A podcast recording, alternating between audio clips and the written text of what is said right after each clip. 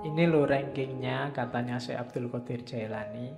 Tadi kan ilmu itu dua jenis. Kalau di ranking ilmu itu dari lahir masuk ke batin.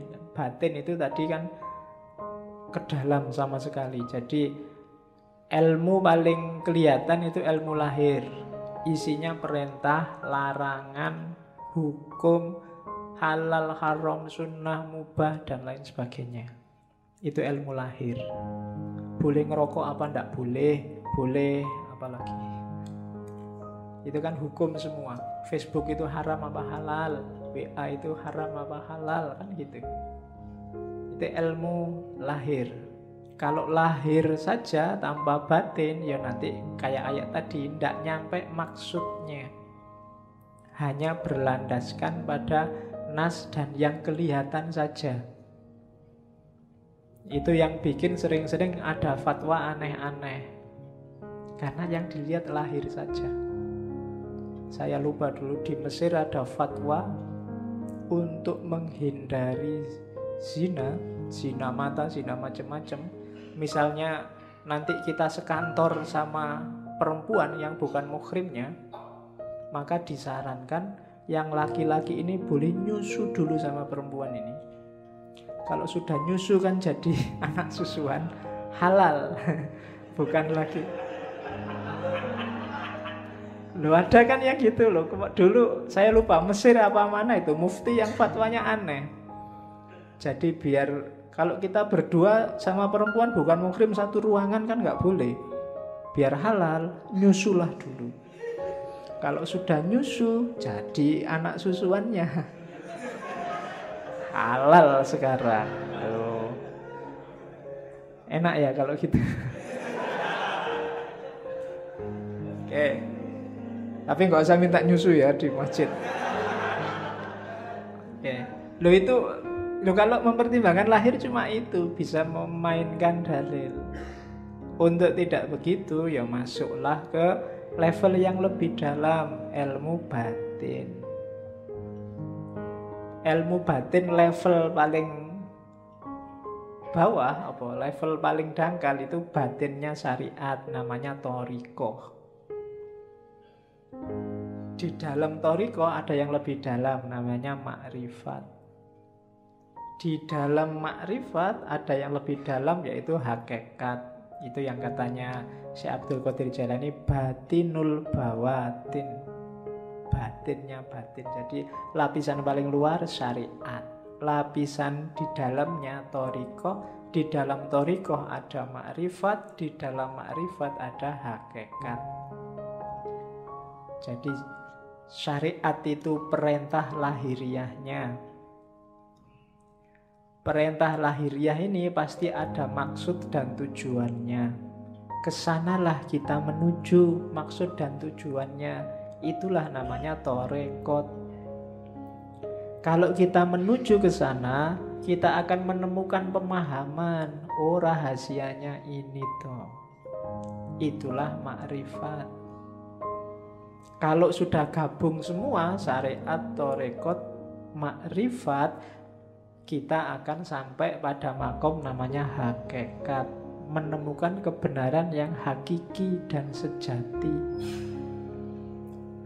beberapa sufi menganggap makrifat sama hakikat ini satu level. Orang yang sudah ngerti hakikat pasti dia makrifat. Orang yang makrifat pasti kenal hakikat. Jadi yang jelas ada syarat syariat jalani itu.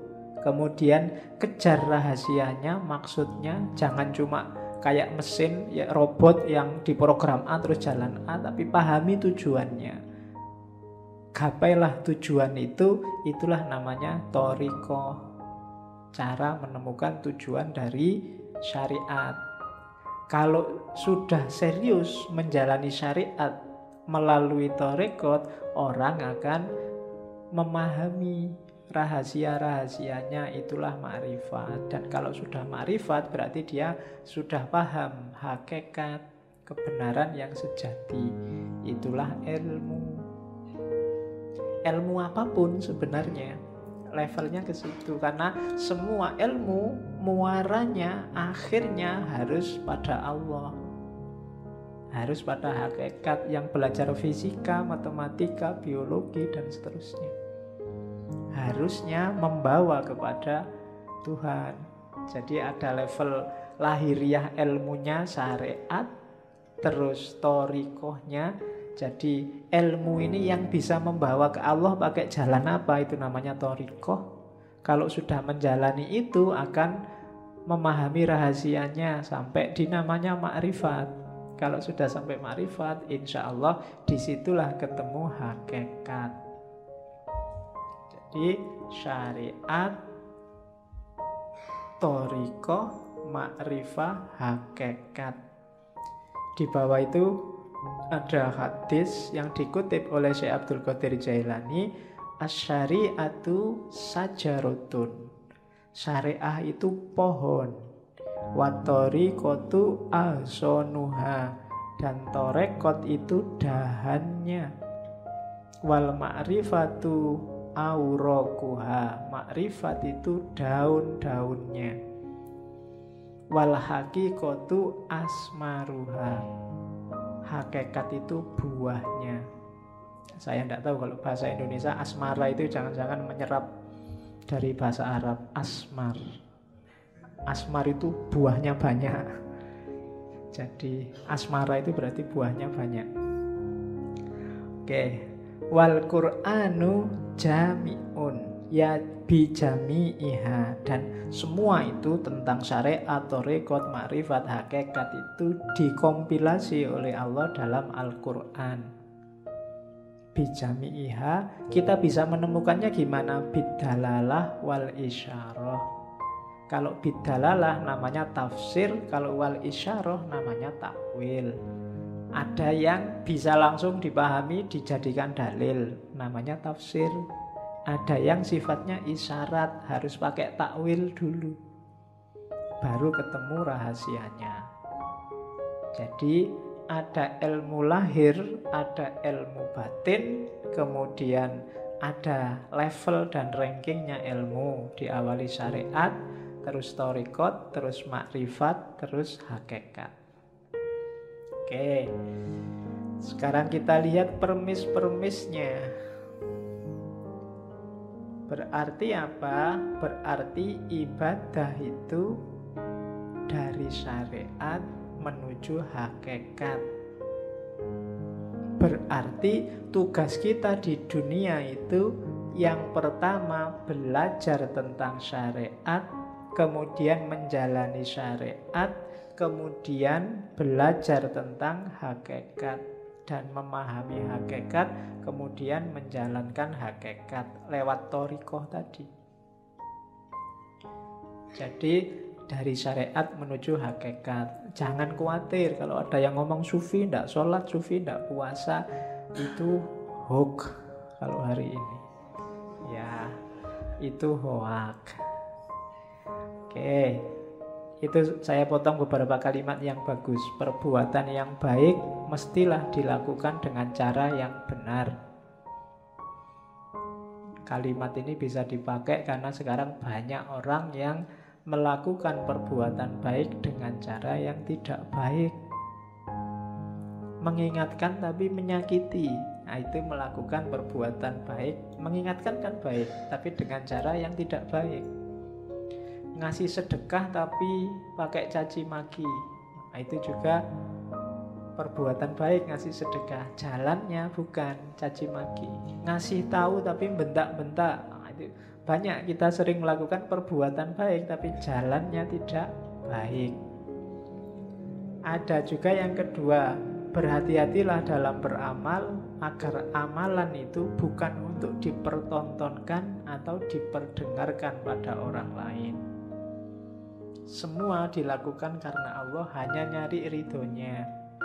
Banyak sekarang orang yang pamer. Dan Alhamdulillah media masa hari ini, medsos hari ini tuh mendukung kita untuk pamer. Ya kan? Ngapain dikit aja diposting, dipoto. Baru nraktir temen nih, dipoto jazz. Terus semua ngasih jempol. Ya enggak tahu sih, mungkin mamerkan itu ya motifnya juga mungkin bukan pamer, tapi ya wujudnya pamer itu untuk dipertontonkan atau diperdengarkan. Diperdengarkan itu ya kadang sok-sok kita kan cerita. Kok kemarin nggak masuk? Wah, mohon maaf ya Pak.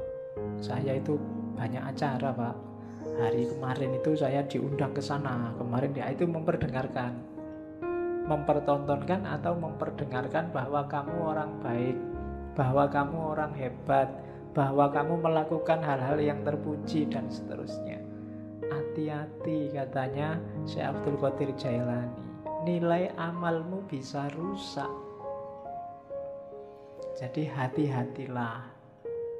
Ya memang kita wajib melakukan kebaikan Cuma jangan sampai sudah capek-capek berbuat baik Tidak ada nilainya Karena ujungnya hanya pamer ujungnya hanya ingin dilihat atau didengarkan orang lain. Yo, hati-hati.